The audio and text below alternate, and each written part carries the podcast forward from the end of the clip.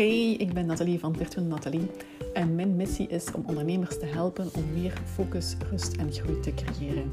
Ik doe dit door het aanreiken van een goede planning en structuur, waardoor je veel efficiënter kan werken. Daarnaast kan je bij mij ook terecht voor support, zodat jij je tijd aan heel wat anders kan besteden. Veel luisterplezier met deze podcast. Hallo iedereen, het is zover mijn eerste podcast. Uh, best wel spannend um, om het op te nemen. En ik ben heel benieuwd naar jullie reacties uiteraard. Ik heb gekozen als eerste onderwerp voor uitstelgedrag. Omdat het toch een thema is wat ik heel veel hoor voorkomen bij ondernemers. We kennen het allemaal wel. We gebruiken heel dikwijls excuses of smoesjes om bepaalde taken niet te doen. En er bestaat een soort van mythe van dat als we het uitstellen en we ervaren het is korter bij onze deadline en we ervaren meer stress, dat we dan sneller in actie gaan schieten. Maar dat klopt eigenlijk niet. Um, want door dingen uit te stellen ga je eigenlijk gewoon maar in een vicieuze cirkel geraken. Want je weet eigenlijk van jezelf, je stelt het uit en morgen ga je het waarschijnlijk opnieuw uit gaan stellen. Dus het is belangrijk om die cirkel te doorbreken. En natuurlijk moet je dan eerst zelf afvragen, waarom stel ik dingen uit? En daar ga ik je in deze podcastaflevering bij helpen. Um, een van de redenen waarom je soms iets uitstelt, is een gebrek aan focus. Um, om iets te kunnen doen, hebben we een bepaalde focus nodig. En daarvoor is het werkgeheugen nodig. Maar natuurlijk, je werkgeheugen moet eigenlijk leeg zijn om optimaal te kunnen produceren. En dat is niet zo evident, want dikwijls heb je net een taak afgerond, ben je nog bezig met een mailtje tussendoor af te maken, denk je al misschien en wat je wilt gaan eten s'avonds. Um, je bent dus eigenlijk nog heel druk bezig in je hoofd. Dus eigenlijk is het heel belangrijk om je hoofd leeg te maken. En hoe kan je dat best doen? Dat is natuurlijk heel persoonlijk. Maar het beste is natuurlijk een beweging maken. Bijvoorbeeld een korte wandeling gaan maken. Of gewoon, als je daar zelf geen zin of geen goesting in hebt, kan je ook al die gedachten die je op dat moment hebt, gewoon neerschrijven.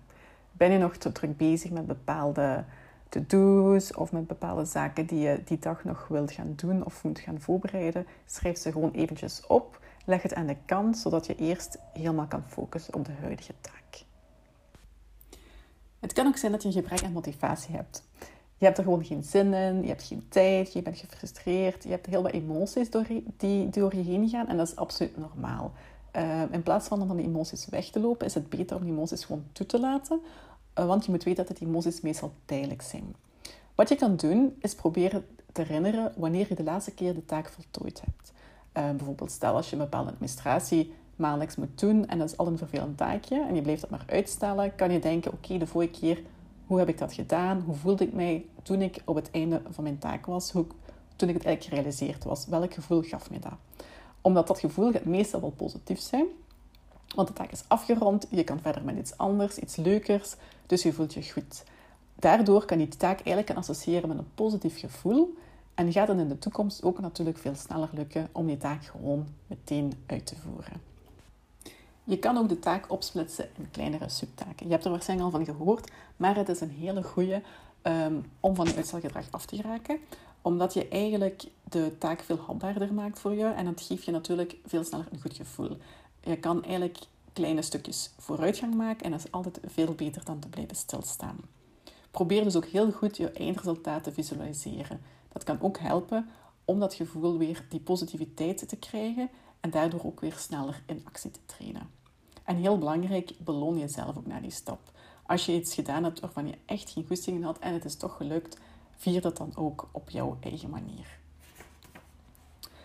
Daarnaast, wat je ook kan doen, en dat klinkt misschien raar, maar dat is doe het slecht. Ja, je hoort het goed, doe het slecht. Um, als je um, veel last hebt van uitstelgedrag, ja, dan maak je ook geen vooruitgang.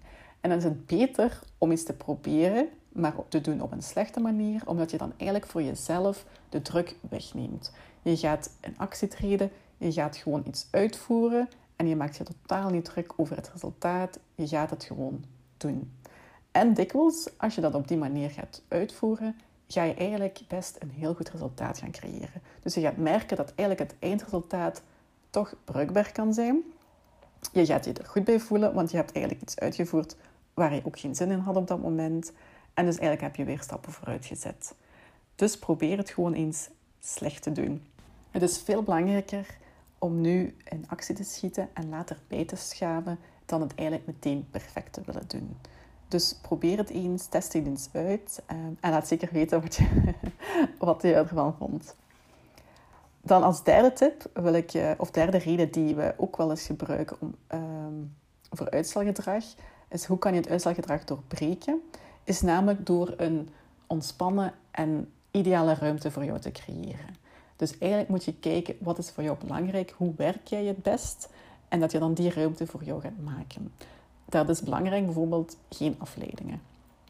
Ehm, bijvoorbeeld ben je iemand die heel snel naar zijn gsm grijpt, leg die dan zo ver mogelijk weg. Het is nood in een ander lokaal of een andere verdieping, zodat je al echt heel veel moeite moet doen om naartoe te gaan. Hetzelfde met je computer. Heb je bepaalde zaken openstaan, verschillende tabbladen, sluit ze allemaal, behalve degene die je nodig hebt. Is het niet nodig om met je computer te werken? Ehm, ga dan eventueel op een andere ruimte zitten, zodat je zeker ook geen afleiding hebt. Ben je iemand ehm, die wel wilt werken met bepaalde prikkels die jou niet storen, dan denk ik bijvoorbeeld aan achtergrondmuziek. Of ben je iemand die heel graag werkt in een andere ruimte, met misschien mensen om je heen, dan mag je dat ook zeker doen. Ehm, het is vooral belangrijk om geen prikkels te hebben die je afleiden. Dus als jij een lichte achtergrondmuziek um, wel kunt appreciëren en als dat jij dat juist meer kan helpen om in je focus te geraken, doet het dan zeker. Net hetzelfde als je gaat werken in een koffiebar. Dit kan perfect, zolang je bijvoorbeeld maar niet um, vlak bij de deur gaat zitten, waardoor je eigenlijk heel snel kan afgeleid geraken door mensen die binnen en buiten komen. Dus het hangt er eigenlijk helemaal van af van je eigen persoonlijke situatie. Het beste is om zoveel mogelijk afleiding te vermijden als je een goede focus wilt hebben. Maar bepaalde prikkels kunnen toch, als dat voor jou ehm, helpt om in je flow te geraken.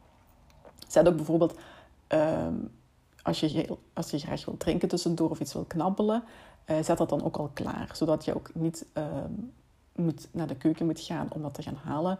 Maar voorzie eigenlijk alles wat noodzakelijk is om je in die bepaalde periode dat jij je wilt focussen, ook echt kunt focussen op die taak.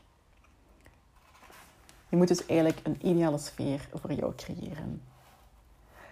En tot slot, um, wees mild. Ehm, probeer deze tips uit. Maar mocht het toch nog gebeuren dat je nog een keertje iets gaat uitstellen, wees dan extra mild voor jezelf. Ehm, het helpt al, je, zet al stappen vooruit, dus je bent op de goede weg. en het is zeker niet erg als het een keertje lukt. Dus probeer daar ook niet te hard voor jezelf te zijn. Ik geef nog even de tips samengevat op een rijtje. Als eerste voor een goede focus, maak je hoofd leeg.